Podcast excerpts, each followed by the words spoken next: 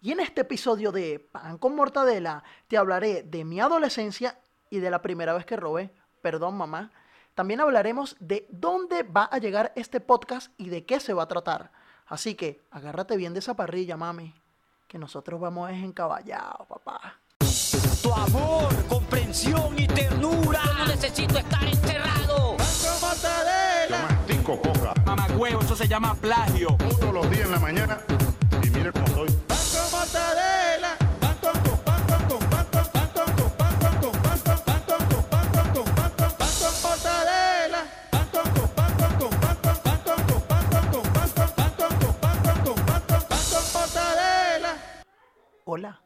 soy yo. Puede pasar con confianza. Va a verme limpiecita como un sol. Oye, chico, venezolano que no se sepa esa vaina porque no es venezolano. Esa vaina debería ser uno de nuestros símbolos patrios de Venezuela. Está la arepa, está la alpargata y está el comercial de limpiador de posetas más. No joda, no se diga más, pues. Y bueno, les comento, hoy es 18 de marzo del 2020. Casi todo el globo terráqueo está en cuarentena, incluyéndome. Tengo seis días en cuarentena. Eh, este podcast salió a causa de la cuarentena. Guess what, bitch?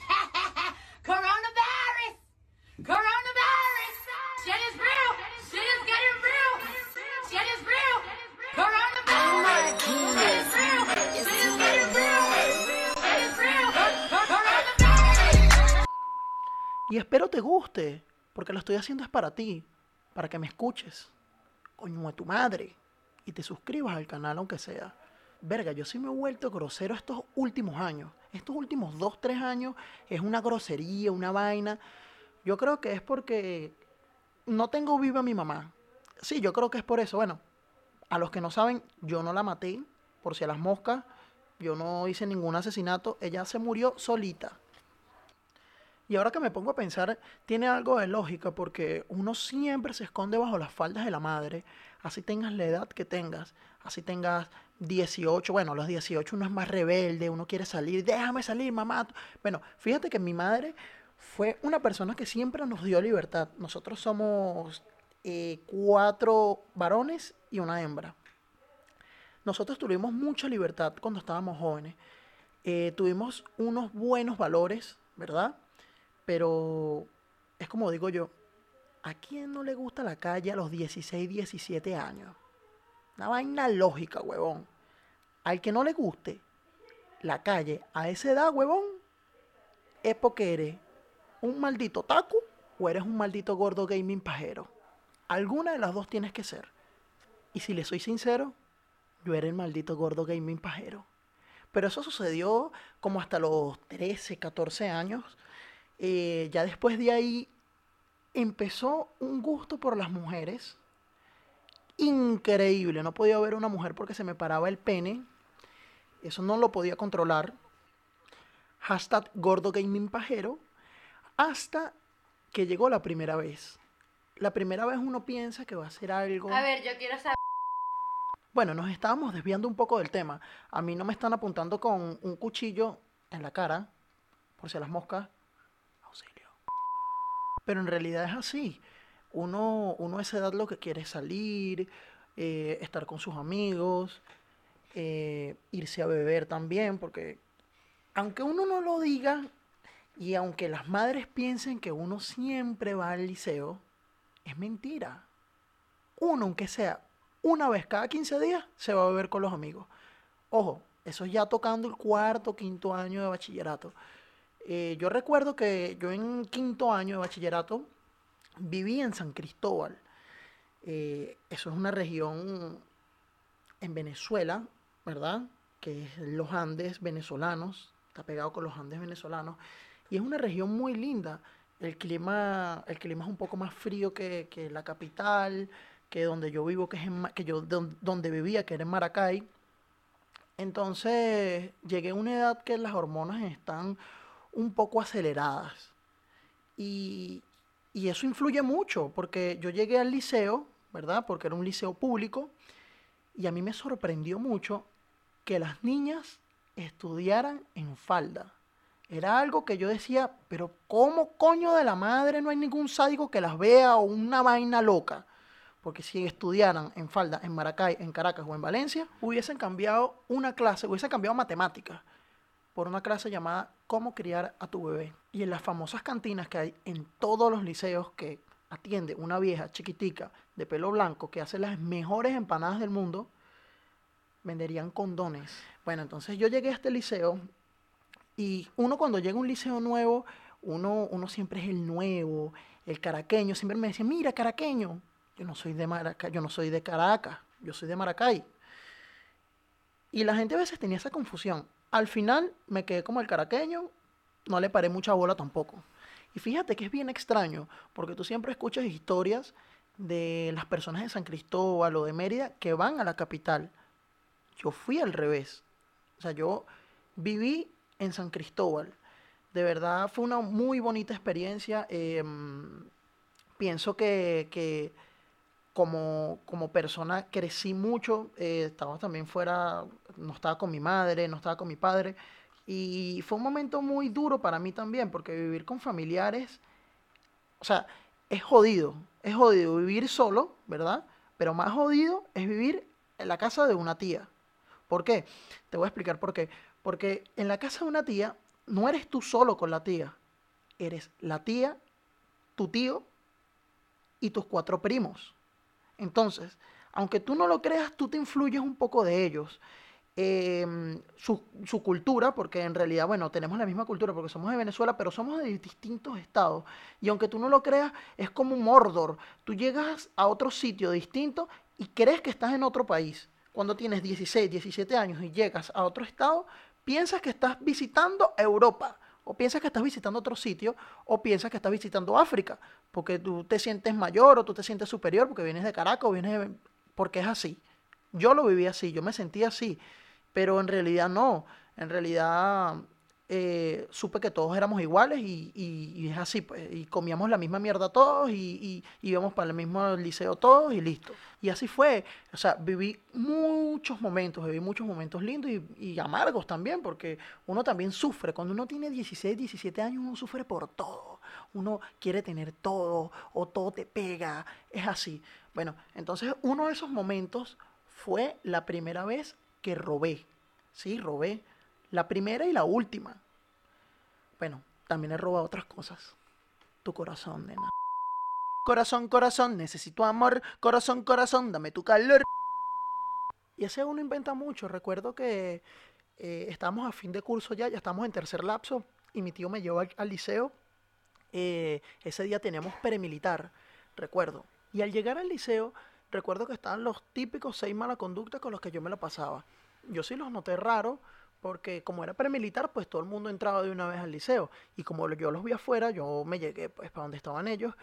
Y uno de ellos me dice, ¿tú ves esa moto que está atrás tuyo?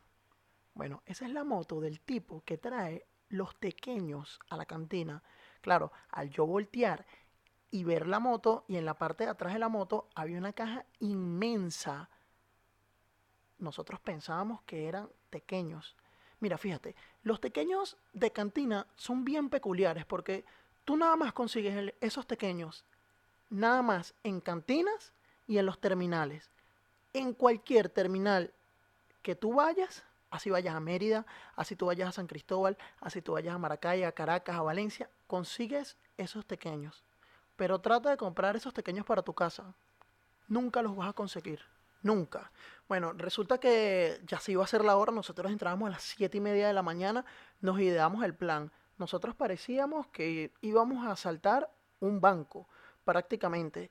Eh, cuatro de los chicos se quedaron en la puerta donde estaba el portero para que no viera, porque como estaba al frente, la moto estaba al frente del portero.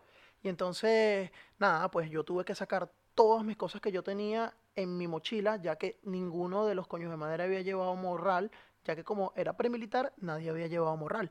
Bueno, entonces, al sacar yo las cosas, agarro la caja que pesaba y la meto en el bolso. Claro, en el momento de meterla en el bolso, nos dimos cuenta que qué coño de la madre íbamos a hacer con una caja de pequeños a las siete y media de la mañana, ¿dónde los íbamos a freír? Bueno, resulta que uno de los amigos vivía muy cerca de donde estudiábamos y la madre no estaba, la casa estaba sola. Al final nos terminamos jubilando todos los seis y nos fuimos a la casa de Junior, recuerdo el nombre.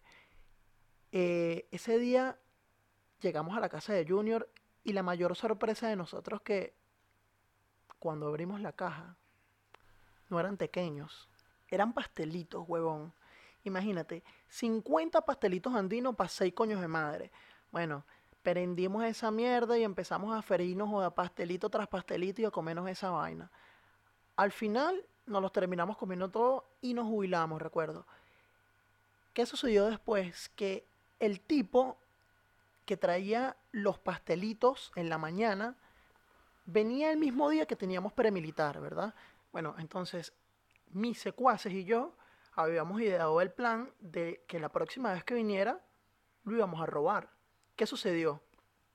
Que, bueno, no nada, el tipo después vino en su moto y, y los pastelitos ya los tenía amarrados, pues. Y bueno, ya después el golpe maestro se cayó, pues, o sea, más nunca lo intentamos, salimos del liceo y cada quien hizo su vida. Una anécdota que les voy a contar.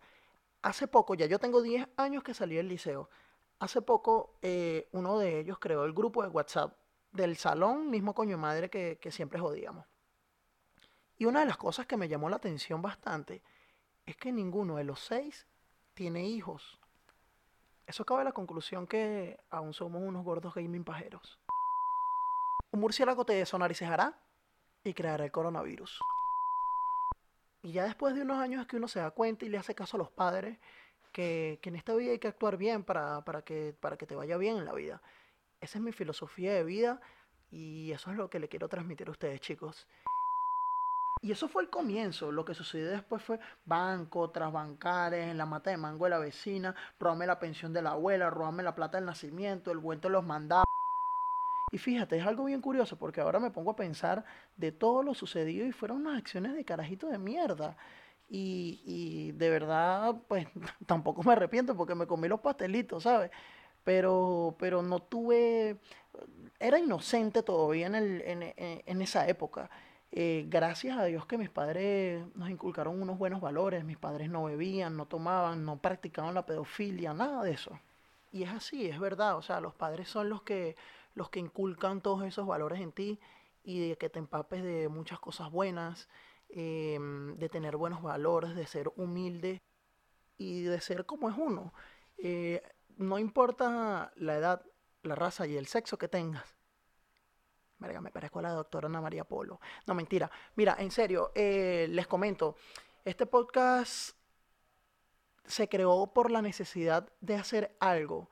Eh, algo me faltaba en mi vida y de verdad era hablarles a todos ustedes cómo me siento, hablarles también de las cosas que están sucediendo en el mundo, de reírnos un poco. De eso se va a tratar este podcast. De verdad espero que les guste porque se está haciendo con todo corazón y todo el amor que les tenemos a ustedes. Sé que ahorita no somos muchos seguidores, sé que, que bueno, eh, para que crezca un canal hay que ser constante y yo sé que ustedes también me van a ayudar a suscribirse, ¿verdad que sí? Y de seguirme en mis redes sociales en Instagram como Diego Cítrico y en el canal de YouTube como Pan con Mortadela. Eh, muy próximamente vamos a estar en Apple Podcast, en Spotify y en todas las plataformas digitales. Así que no te pierdas el próximo episodio de Pan con Mortadela en la voz Diego Sánchez y en la producción de La Sala de mi casa. Llévatelo, papá. De sol a sol te tengo presente. Verga, me dicen que yo tengo la voz como lo de los hermanos primero.